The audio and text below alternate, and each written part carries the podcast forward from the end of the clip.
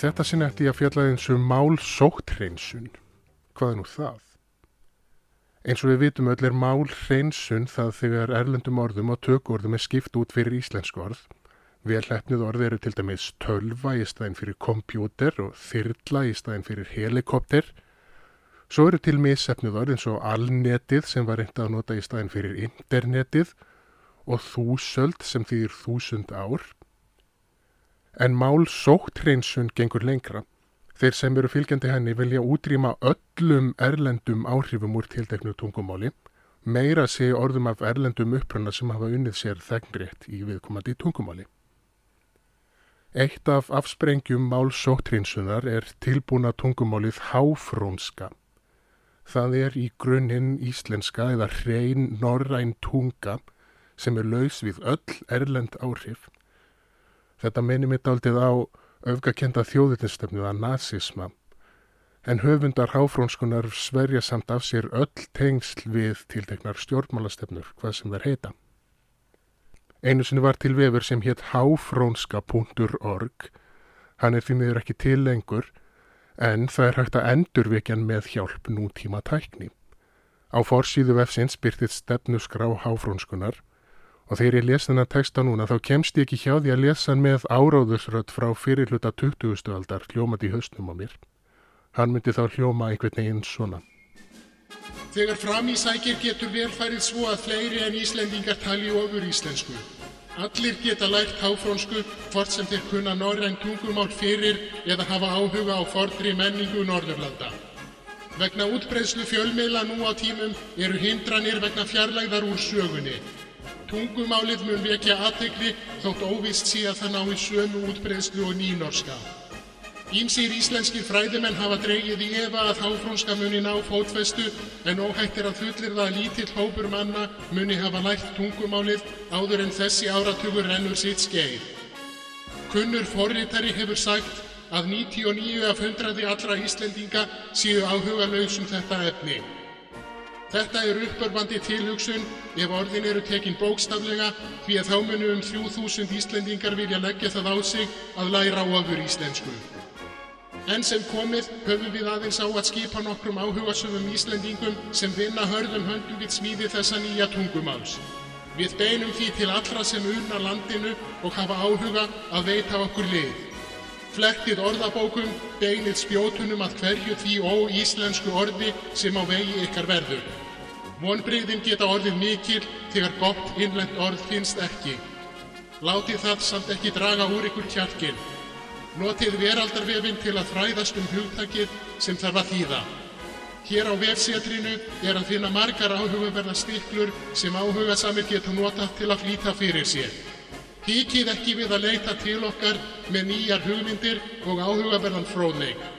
Öll nýri verða skráð hér á samt nafni höfundar ef þess er óskar. Að lokum viljum við þakka öllum þeim sem hafa létt undir með okkur. Nýjirða skáldinn. Og svo framvegis.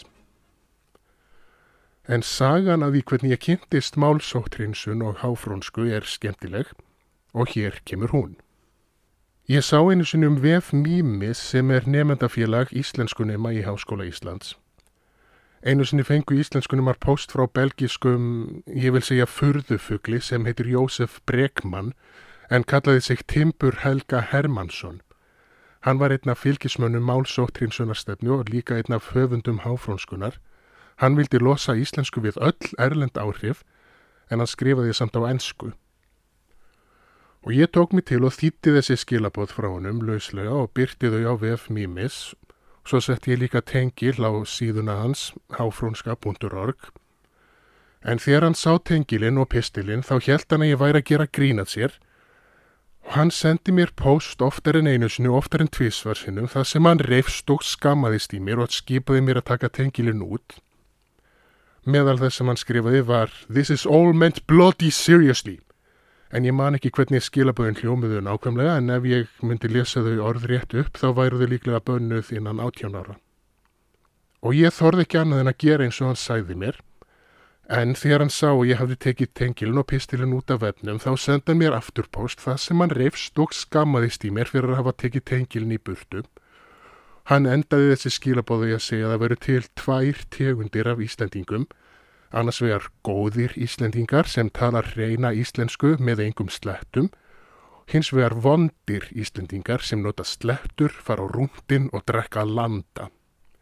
Það þarf alltaf að taka það fram að hann stimplaði mig sem vondan Íslending. Þannig voru nú mín fyrstu kynni af málsóttrinsun og háfrónskum. Ég held svona í sannleika sagt að ég hafi aldrei áinnið mér jafn mikinn óvinn í nettheiminum og þennan Timburhelga. Svo nokkrum árum síðar fór hann aftur að þerja á íslenska netnundendur. Það var árið 2005 þegar bloggið var vinsela sitt tjáningamátinn sem satt fyrirdægi af Facebook og samfélagsmiðla. Þá skrifaði hann óumbeðnar aðtöðasendur og nokkrar íslenskar bloggsíður. Þær voru í svipuðum dúr á pósturinn sem ég fekk frá hann um nokkrum árum fyrir. Svo byrti stutt umfjöldunum Háfrónsku í fréttablaðinu 28. janúar 2007 en síðan þá hefur lítið spurst til Timbur Helga. En Háfrónskan lifir sem betur fyrr því að netið gleymir engu. Ég er hérna með lista yfir nokkur orð úr Háfrónsku. Ég ætla að leifa hlustendum að giska á hvaðu þýða.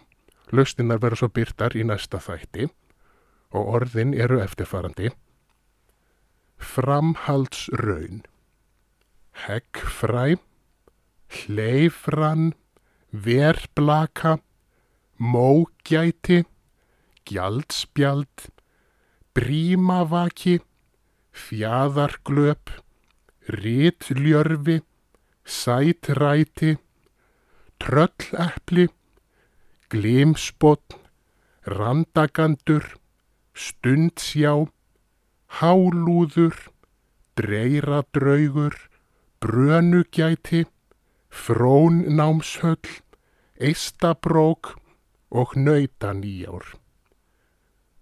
Ef þið tellið ykkur vita hvað þessi orð þýða þá meði hafa sambandi gegnum Twitter, Málfarslögregla eða Facebook, Málfarslögreglan eða í gegnum vefinn orðabókin.is. Það eru því miður engin verðlaun í leiknum nema bara gleðin og ánægin ef við hafa tekið þátt í honum og það er að sjálfsögðu stránglega bannað að googla. Og þá er ekki fleiri þættunum í dag. Verðið sæl.